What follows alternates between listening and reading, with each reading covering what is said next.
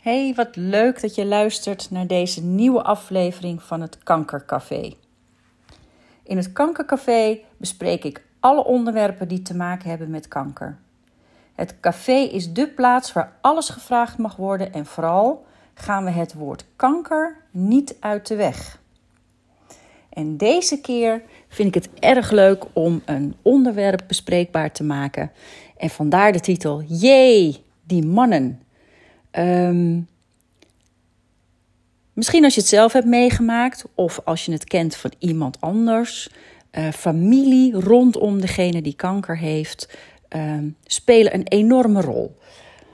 En ik, de titel is nu J Mannen. En um, uh, het, verhaal wat ik wil vertellen, de, de onderwerp waar dit over gaat, gaat dus over mannen van vrouwen met borstkanker of gynaecologisch kanker. Maar in dit geval het voorbeeld gaat over borstkanker. Die mannen die krijgen in ene ook met ongelooflijk veel dingen te maken. Um, uh, er is enorm verdriet, er is angst in het gezin. Hoe gaat het aflopen? Uh, uh, als het fijn zou zijn, als het goed is, gaat hij mee naar de artsen of, of hij hoort het later thuis.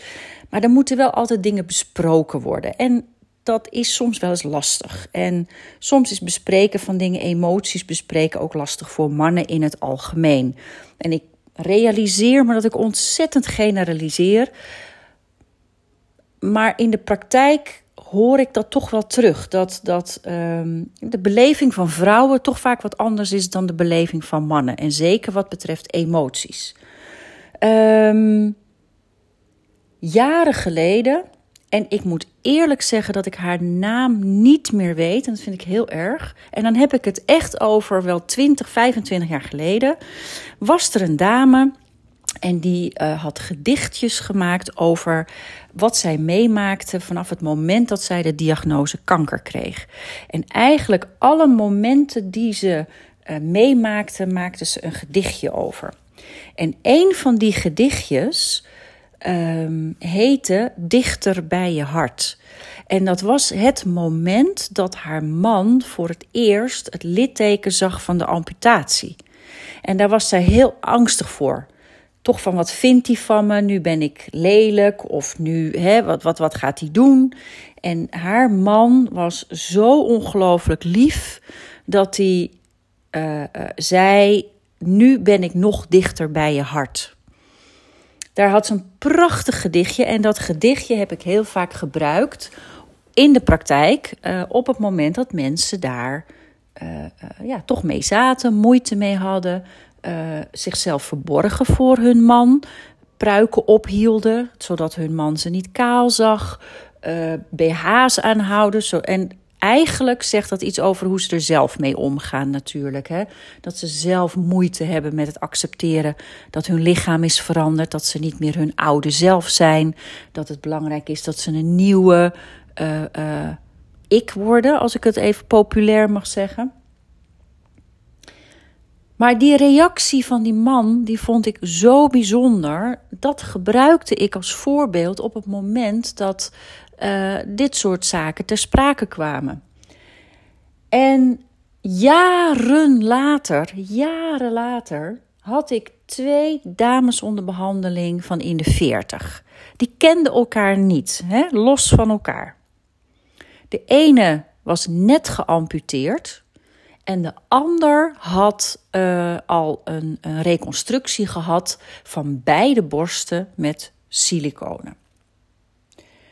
Beide uh, gingen op vakantie en hadden zoiets van. En ze waren single. Laat ik dat er even bij zeggen, want dat is een belangrijk onderdeel van het verhaal. Ze waren beide single.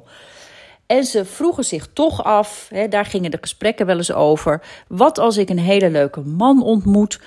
Dan zal ik op enig moment moeten vertellen dat ik borstkanker heb gehad. En dat ik er niet meer helemaal gaaf uitzie. En dan kan ik als therapeut van alles roepen en je bent prachtig. En, maar dat is een oergevoel wat in de, in de vrouwen zelf zit. En zeker, nogmaals, als ze het nog niet helemaal goed verwerkt hebben. Je bent onzeker geworden. Je bent onzeker geworden. En beide spraken dat uit. En um, zij gingen tegelijkertijd, om en nabij gelijkertijd op vakantie. En ik zag ze weer terug in de praktijk. En beide met blosjes en glimmende ogen. En nog, dit is echt onafhankelijk van elkaar, hè? niet gelogen. Dit is onafhankelijk van elkaar. Binnen één of twee weken kwamen ze met dit verhaal. Dat ze een hele leuke man waren tegengekomen op vakantie. Dat ze daar uh, uh, nou ja, mee naar de kamer gingen voor een, voor een lekkere one-night stand. En dat ze dus dat moment kregen van: ik moet het vertellen, of ik vertel het niet en ik laat het gewoon zien. En beide mannen reageerden zo fantastisch. En, en um, hadden eigenlijk zoiets van: joh, als jij deze operaties niet had gedaan, dan hadden wij deze leuke nacht niet gehad. Want misschien had je dan niet meer geleefd. Dus ik heb daar helemaal geen problemen mee dat jij littekens hebt. Het zegt iets over jouw leven.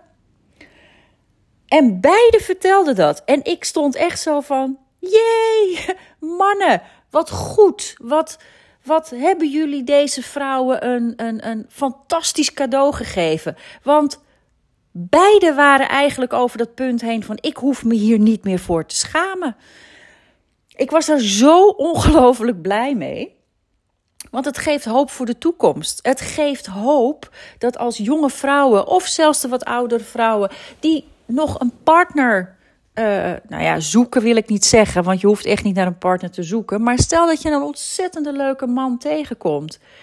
Ja, het blijft denk ik enorm spannend om het te vertellen.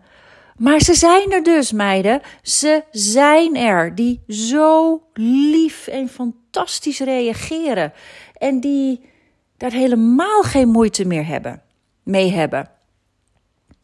Ik vertelde dit op een gegeven moment tegen een man die ik kende, een goede vriend van me. Want ik, ik was eigenlijk heel blij dat dit gebeurd was. Hè. Het vertrouwen in de man uh, uh, nam enorm toe. En, en, en hij zei van. Maar denk je nou werkelijk dat mannen geen littekens hebben? Dat die niet dingen meemaken? Ja, vast wel, maar misschien zijn dat niet meteen kankerlittekens. Hè? Dit, dit zijn toch littekens van uh, uh, een overleving. Hè? Je hebt iets heel naars uit je lijf gehaald. En hij had echt zoiets van: ja, maar we, we, we veranderen toch ook allemaal wel. Hij, het grappige was dat hij eigenlijk zich niet kon voorstellen dat mannen er moeite mee zouden kunnen hebben. Nou, die man is nog steeds een hele lieve vriend van mij. Want die, dat soort mannekes moet je natuurlijk in een gouden doosje stoppen. Maar het vervelende is dat ik het eerste instantie een aantal keren heb gehoord dat het helemaal niet goed ging. Hè? Dat toch stellen uit elkaar waren gegaan omdat een van de partners toch heel veel moeite had met het feit dat er kanker in het gezin was gekomen. Dat het eigenlijk altijd nog zichtbaar bleef aan de buitenkant. Um, nou, ik vind daar wel wat van. Maar goed, misschien was het huwelijk of de relatie in het beginsel al niet zo heel sterk. Dat weet ik niet. Maar als je dit soort verhalen hoort, dan word je. Ik word daar in ieder geval heel erg blij van. Ik denk dan van er is hoop voor de mensheid. Filosoof Joanne hier.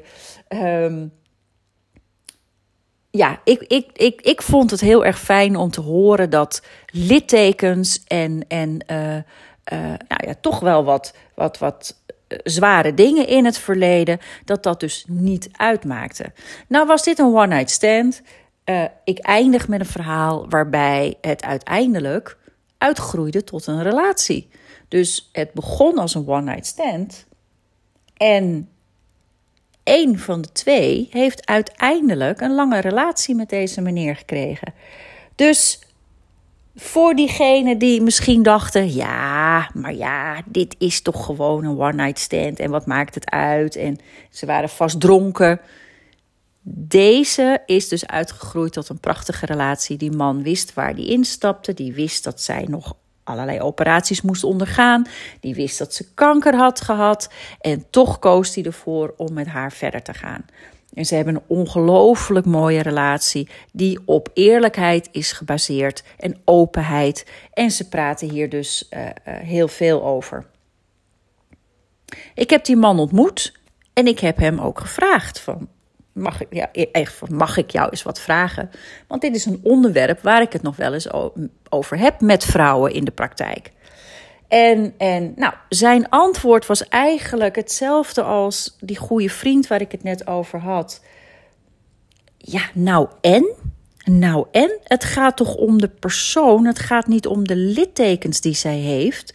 En het feit dat toen zij alleen was, zo sterk uit deze periode kwam en het allemaal heeft aangekund en, en, en er dan als zo'n mooi mens uitkomt, dat is een persoon waar ik bij wil zijn. Dat is een persoon waar ik mee te maken wil hebben. Dat zijn de personen waar ik van hou. Nou, kon hem wel omhelzen. Ik, ik werd daar persoonlijk enorm blij van. Dus vandaar dat ik deze podcast wilde wijden aan de mannen die deze keuzes durven maken. De mannen die bij hun vrouw, naast hun vrouw blijven staan. En, en, en meegaan in alles wat ze meemaken. En de sterke persoonlijkheid blijven. Die mannen die niet na twee maanden denken: Nou, het moet wel eens klaar zijn. Wanneer is het eten klaar en schiet eens op. De mannen die hun vrouwen blijven ondersteunen zolang het nodig is. En waarbij de relatie waarschijnlijk dieper wordt en, en nog uh, liefdevoller als dat die al was. Dus vandaar, jee, mannen. Ik ben trots op jullie en ik hoop dat jullie je ernstig vermeerderen, want alle vrouwen verdienen een man zoals jij. En even een disclaimer: um, als het uh, een vrouw is, jouw partner, of dat het een, een, een, een andere vorm van samen zijn is. Uh, nu denk je, ja, je moet ook woke doen. Nee, tenminste, ja, iedereen moet erop letten natuurlijk. Um, de disclaimer is dat ik dit eigenlijk ook een keertje, dit gesprek heb gevoerd met twee vrouwen. En die vrouwen waren getrouwd en die hadden daar dus ook wel wat problemen mee. Dus misschien moet ik gewoon roepen: jee, partners, jee, vrienden die er blijven zolang als dat het nodig is.